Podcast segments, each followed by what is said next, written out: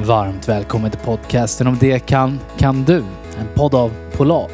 Tillsammans med mig, Kristoffer Johansson. De var åtta stycken på målrakan. Tre går upp i täten, en fjärde pressar sig upp mellan skidspåren. På ospårad snö håller han på att ta hem det hela. Med ett par hundradelar missar han guldet men blir bäste svensk på Vasaloppet. Marcus Ottosson gästar veckans avsnitt. 2018 tar han hem det. Och vi kommer föra varför Marcus började åka skidor, hur han håller motivationen uppe och vad han skulle vilja utmana oss till att göra den här veckan. Nu har stunden kommit för det 41 avsnittet av Om det kan, kan du. Nu kör vi!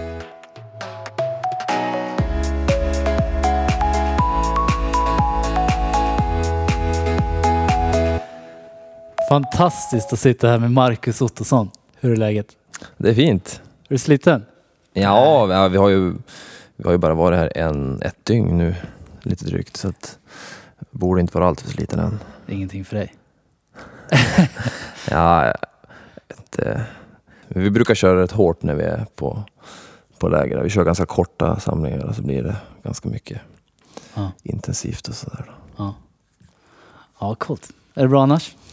Ja, det är det får jag säga. Det känns kul att kunna träna och som man vill i stort sett. Och sådär. Mm. Så att, eh, det är inte alla år jag har kunnat göra det. Så att, eh, Nej, Skönt. vi- visst har du haft problem med hälen också? Ja, jag har varit- haft ganska mycket skador sista åren nu så att det är faktiskt skönt att kunna Ja. peppar peppar men det, det är riktigt motiverande att kunna variera sin träning lite mer. Hur har det funkat? Har det varit halva säsonger? Och... Ja, det har varit lite sista tre, jag har gjort tre operationer i foten sista tre åren egentligen.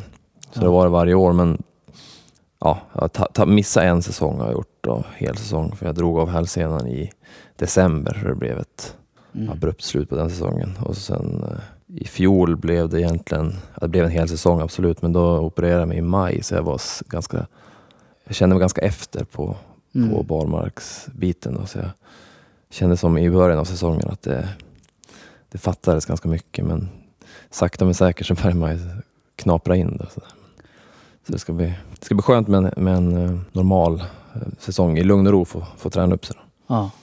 Men ändå så håller du ihop det och är tillräckligt stark för att bli bästa svensk på Vasaloppet. Ja, det, det, var, det verkar ju passa mig ganska bra det där loppet. Så att, eh, Ja. eh, sen, Vad har du för ja, hemlighet? ja, precis. Eh, det är jättesvårt att säga men eh, jag tror väl att som min träning har varit de sista åren och sådär. Så de kvaliteter jag har som åkare så tror jag att det har slagit väl ut. Då. Och sen har det varit lite grann också tror jag att det har blivit mer fokus på enstaka lopp för mig då, i och med att jag har varit lite grann jag har känt att jag inte riktigt orkar en hel säsong och jag får, Mm. jag får kanske fokusera mer på att rikta träning mot vissa lopp istället. Mm. Och det har ju funkat väldigt bra. Jag har ju haft ganska, sista två åren haft ganska samma trend. Då. Varit väldigt trög i inledningen av säsongen och sen har det lossat mer och mer. Och så pika på Vasaloppet och sen. Mm. Så att det har varit den trenden. Då. Jag ska försöka ändra lite på det till vintern men Mm. fortfarande pika på Vasaloppet givetvis. Ja, det hoppas vi. Men är du för stark för ditt egna bästa? Eh, Eller har du bara haft Ja, otur? det känns ju, när man, är, när man är skadad känns det som att man är för svag. Det är så det känns lite grann. Men, så är, det är väl mycket mentalt nu att försöka, eh, när man är Mm. så frisk som man kan. Ja, det var länge sedan jag var så här frisk då, men att Mm. eh, det är mycket som, som man har missat de sista åren med den träning jag gör nu. Det är mycket att bara försöka vänja kroppen igen och, och, och träna som jag har gjort tidigare och sådär. Mm. Men samtidigt behålla de saker som varit bra. För man får ju lite grann, när man tvingas, tvingas göra saker som man kanske inte gjort annars, då öppnas ju nya insikter och sådär kring hur kroppen funkar och sådär. Det är väldigt, väldigt lärorikt. Mm. Trots att man har varit skadad då, så man kan ju Mm. lära sig saker av det.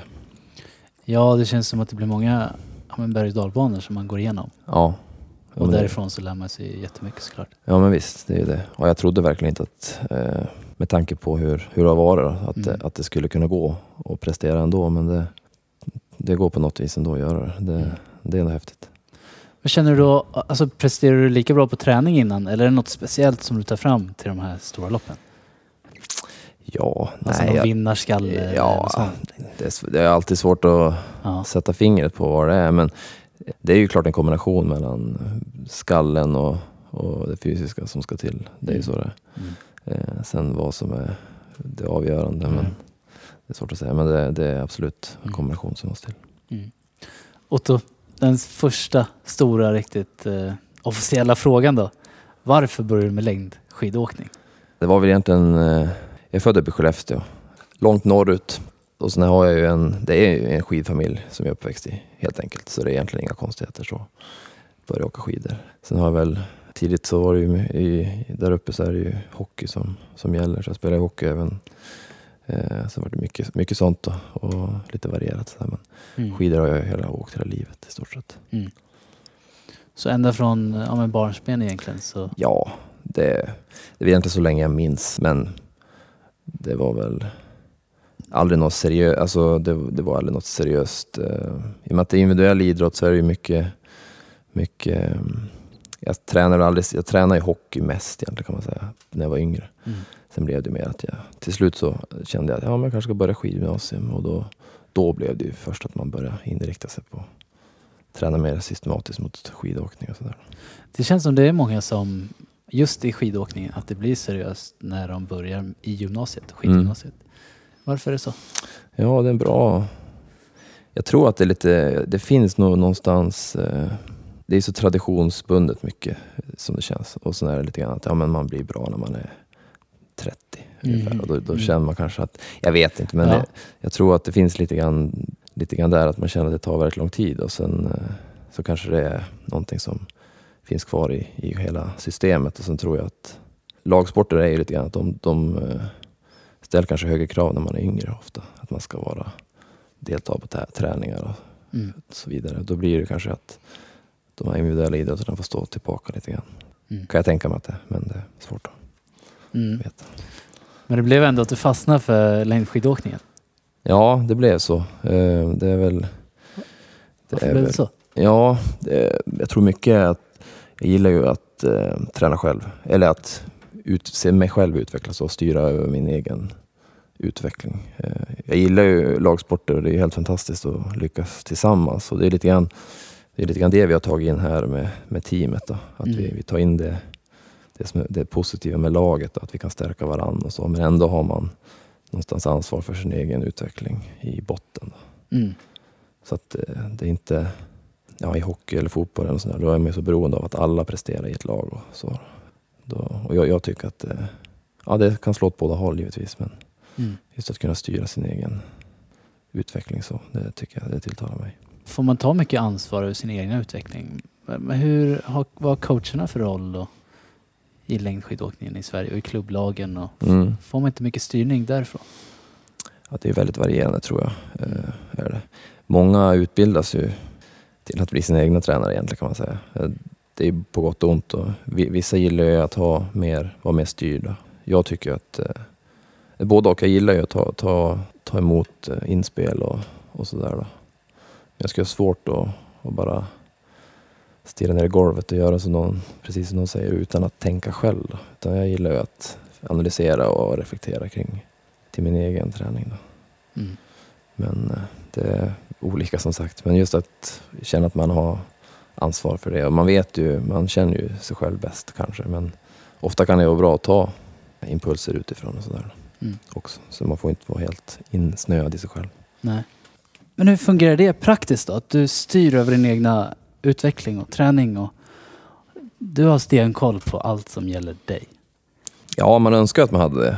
Det har man ju naturligtvis inte. Utan det, just att man är ytterst ansvarig tycker jag, det, det känns bra. För mig då, i alla fall. Mm.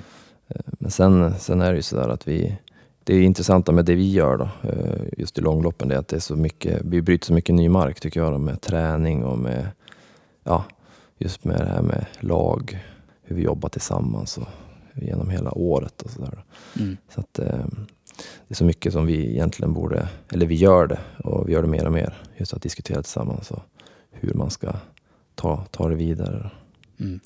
Mm. För att det händer fortfarande väldigt mycket som det känns Mm. för varje år. Då. Ja, spännande. Hur gör du för att hålla motivationen uppe i en sån här individuell idrott och eh, så mycket som du har lagt ner på träning och tävling och hela ditt liv och alla skador. Och hur gör du för att hålla motivationen uppe genom allt det här? Eh, Det är en bra fråga. För mig är det ju mycket att, att man liksom inte tänker att ja, det är ett år kvar till Vasaloppet utan då, då är det lätt att tappa motivationen att det är så, att det är så långt. Då. Vi var ju väldigt lång försäsong i, i skidvärlden. Det är ju från april till november i stort sett. Då. Så det är ju ett drygt halvår. Det gäller att liksom se, ha delmål hela tiden. Och ofta då kan det vara, vissa tycker att det är eh, bra att ha ja, men några, det kan vara tävlingar på sommaren eller någonting, så, så man har någon form av morot hela tiden som finns där. Och det, det, sånt tycker jag är väldigt bra. Nu har det blivit väldigt, jag har inte haft en möjlighet att göra så. så att jag har ju fått, jag har fått inrikta mig på att bara, liksom, vad säger man, överleva. Ja, precis. Det som varit motiverande i sig då, det har ju varit det att jag har varit så, ofta så långt, när jag kom igång då, på, som i fjol då, så åkte jag rullskidor första gången i slutet av augusti. Då känns det ungefär som att när jag var i november då kändes det som att jag normalt sett skulle vara i juli, augusti någonstans. Just det. Så jag hade några månader som jag hade liksom var efter. Då. Men jag kände att jag tog ganska stora steg då, gentemot de andra Mm. istället. Då. Och det var ju väldigt motiverande. Att Mm. känna att ja, men det här, jag knaprar i alla fall in. Så man får försöka hitta det i, sig själv. Då. Eh, någonting som motiverar ändå. Sådär. Men eh, det är lite klurigt för just att och bara tänka resultat och, och sånt är ju svårt. Då. Man får som tänka utveckling och se. Det finns ju hela tiden saker att förbättra. Och sådär. då. Mm. Så det är mycket det. Man jobbar med små saker Mm. och kanske ganska lite kortare tidsperspektiv. Då får man alltid det här att men, om man kör ett fyra veckors block med fokus på uppförsstakning exempelvis. Mm. Då har man alltid någonting att, att checka av. Då. Och förhoppningsvis har man blivit bättre på det. Och det är ju motiverande i sig. Då. Så att, eh, Ja, just det. Och sen kommer tävlingarna så småningom. Hur känns det att ställa sig där? nej, det är ju helt, det är jättekul att tävla. Det är det. Eh, så att, eh, det blir många mil tävling per år nu. Då. Mm. Det är ju det är ju 60, över 60, 60 mil säkert på ett år man gör. Ja. Jag vet inte, jag har inte räknat ihop exakt men Nej. i och med att vi har ju tävlingar är ganska långa numera. Så, att, eh, Mm. så det är alltid skönt att... Jag brukar alltid vara nervös första, första tävlingarna. Liksom att, eh, Känna in formen och... ja visst. Och, men nu har det blivit lite, grann, lite lugnare i och med att eh, säsongen är lite grann fördröjd för oss som åker långlopp. Då. Ofta startar de inte. De viktigaste loppen är inte först heller i november som, som kanske den traditionella skidåkningen har. Då. Att det är liksom allt eller inget i första tävlingarna utan vi har ju lite grann uppvärmningstänk då. Så blir det mer och mer efter jul egentligen som det blir mer på allvar kan man säga. Och sen kommer Vasan. Precis. Hur känns den?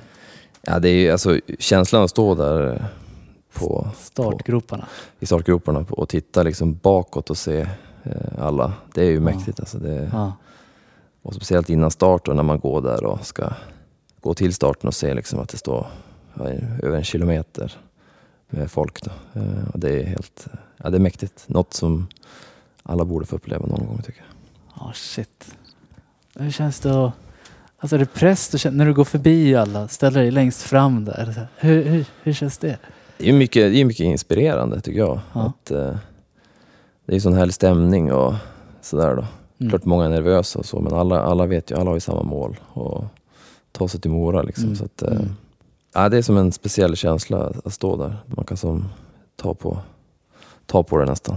Men eh, ofta har man ju, vi har ju ofta haft, eh, ja, haft två veckor innan eller tio dagar innan när vi har gjort en rejäl uppladdning. Och både fysiskt och mentalt och sådär. Så man har ju väldigt mycket som man vill släppa lös då på start. Mm. Det brukar gå ganska bra. Man är ofta ganska sugen på att dra iväg om man säger så. Ja. Vilka är dina favoritdelar av Vasaloppet?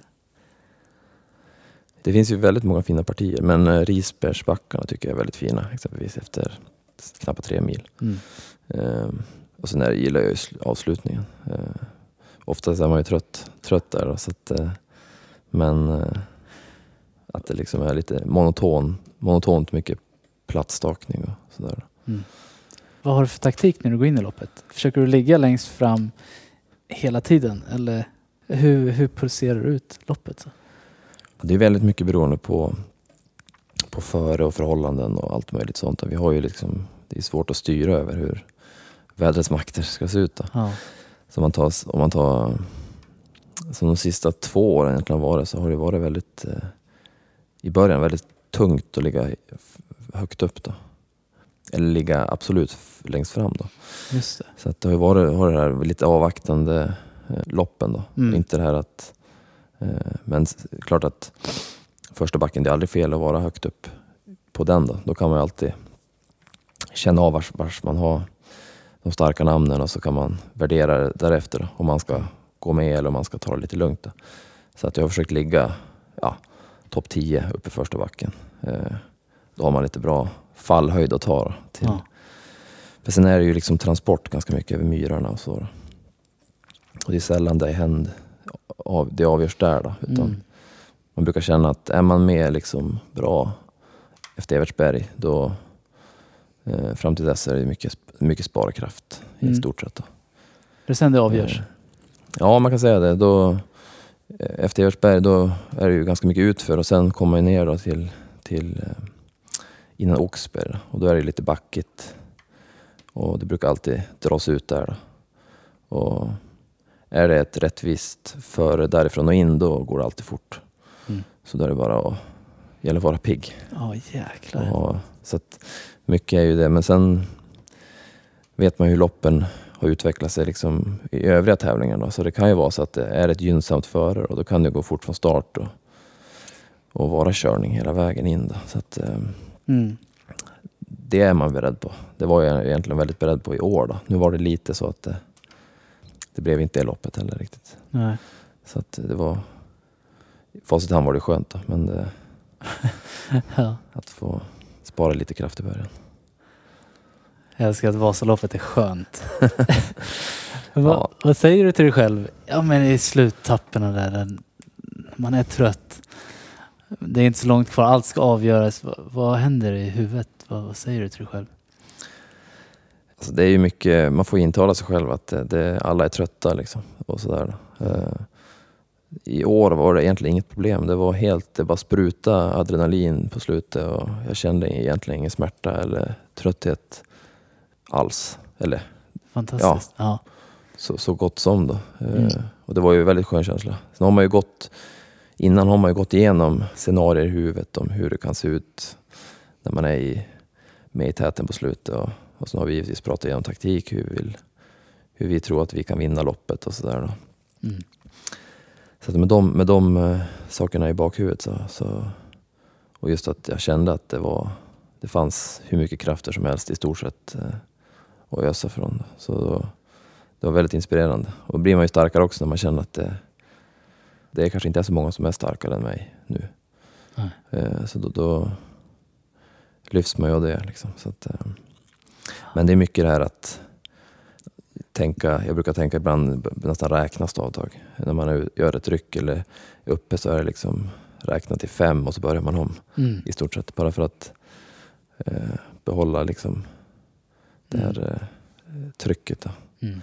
Så att man, eh, man eh, ser inte så mycket längre än nästa, nästa stavtag i stort sett. Tar ni norrmännen i år? Ja, det är det vi tränar för, absolut. Så att, eh, vi vet väl eh, ganska väl hur vi ska slå dem. Det vet vi. Ja. Sen är det bara att göra det. Det är ju det som är... Men jag tror att... Eh, ja, för varje år så kommer vi, vi kommer närmare. Men det är klart att det, allt ska ju stämma och vi ska ju... Men eh, jag tror vi blir ännu bättre också på att jobba tillsammans. Och, och, och vi är väldigt bra på att... Ja, men är det någon som, som är i form, då ger vi den chansen. Och så där. Mm. Så jag tror att det, sånt kommer att vara väldigt viktigt att verkligen ha fingertoppskänsla och att veta liksom vem vi ska sätta som Mm. våran ja, avslutare eller Mm. så. Att, eh, för vi, vi vill ju gärna vinna loppet och då, då spelar det egentligen, ja, det är ju den som är stark som ska få vinna. Gör det som ett lag ja. Jag gör det som ett lag, Mm. precis. Så att eh, ja. det, Spännande. Jag ser, ser fram emot att se adrenalinet spruta hos dig Otto. Och ta dig först över där, om det blir du eller er som lag. En sista fråga då. Vad skulle du vilja utmana våra lyssnare till att göra den här veckan? Eh, ja, då kan jag väl ta ett tips från, som jag har haft eh, väldigt nytta av själv och det är ju det här att eh, rannsaka sig själv vad man gör i träning och sen försöka gå verkligen emot det man gjort tidigare och förändra. Tänka, Mm. liksom, eh, tänka att kroppen är väldigt bra på att anpassa sig så att, eh, och försöka gå ifrån det lite grann. Och tänka att eh, kroppen måste försöka, man ska försöka chocka kroppen och göra saker som kanske inte den är van att göra. Just det. Så att gå ifrån det som man är van att göra och, och se hur kroppen anpassar sig till nya tränings... Ja, det kan vara allt ifrån att eh, om man är van att springa sina fem kilometer efter jobbet exempelvis. Så att, att göra någonting helt annat. Det, kan det behöver inte vara någonting som man gör att man kommer att gå skadad därifrån. Då. Men det, det handlar liksom om att, att tänka att ja, men nu, vill jag, nu ska jag utmana kroppen. Och, och, för det är sånt som den gör att, som gör att man blir bättre. Och om du är nu bättre fysisk form eller om det är Mm. bättre på något annat som, som är målet. Men det, just det här att verkligen gå, gå ifrån lite grann de, de vanliga rutinerna man har. Ja, precis. Upplägget just. Distanserna kanske. Ja, precis. Jag personligen kan känna att det kan vara svårt. Ja, men de här rutinerna är ju viktiga för människor och för folk. När man väl går ifrån dem och börjar rucka på dem, riskerar man inte att eh, trilla ur då? Eller hur har du gjort för att fortfarande vara kvar i det hela? Ja, precis. Det, man får se det lite på sikt tror jag och just i det här korta perspektivet kanske på ett, just ett träningspass eller just ett så är det just det här att utmaningen att göra någonting nytt kan ju vara det som men ser man över en längre tid så är det ju givetvis viktigt att ha rutiner och att så men man kanske kan ha en dag eller ett pass i veckan där man gör någonting som man aldrig har gjort förut eller att man liksom försöker ja, köra, köra ett hårt intervallpass innan jobbet exempelvis direkt på morgonen. Eh, Mm. och gö- göra någonting som gör så att kroppen kanske får, får någon ny, nya influenser och nya, nya belastningar som gör att den utvecklas. Just Det det. tror jag är viktigt. Mm. Så den här veckan så ska man göra något som man inte riktigt är van vid. Ändra om belastningen lite och Mm. göra det på ett nytt sätt. För att få nya influenser och utveckla kroppen på nya sätt. Ja, Strålande utmaning. Tusen tack för att du var här idag. Det har varit jättekul att ha haft dig här. tack så mycket. Tack. Du har lyssnat på Om det kan, kan du. En podd av Polar. Nästa vecka kommer världsrekordhållaren på 48 timmars löpning hit. Kristina Paltén. Hon är dessutom den första kvinnan någonsin som har sprungit genom Iran. Och när hon har det riktigt tufft, då tar hon till en specialare. Där finns det ju till exempel kräkpausen. Usch, bara ut med allting. Gnäll. Var en skitstövel, var förbannad. Allting. Det blir ett fullspäckat avsnitt om motivation som kanske även det går att applicera på Vasaloppet. Vi hörs igen om en vecka. Ett stort tack för att du har lyssnat på Om det kan, kan du.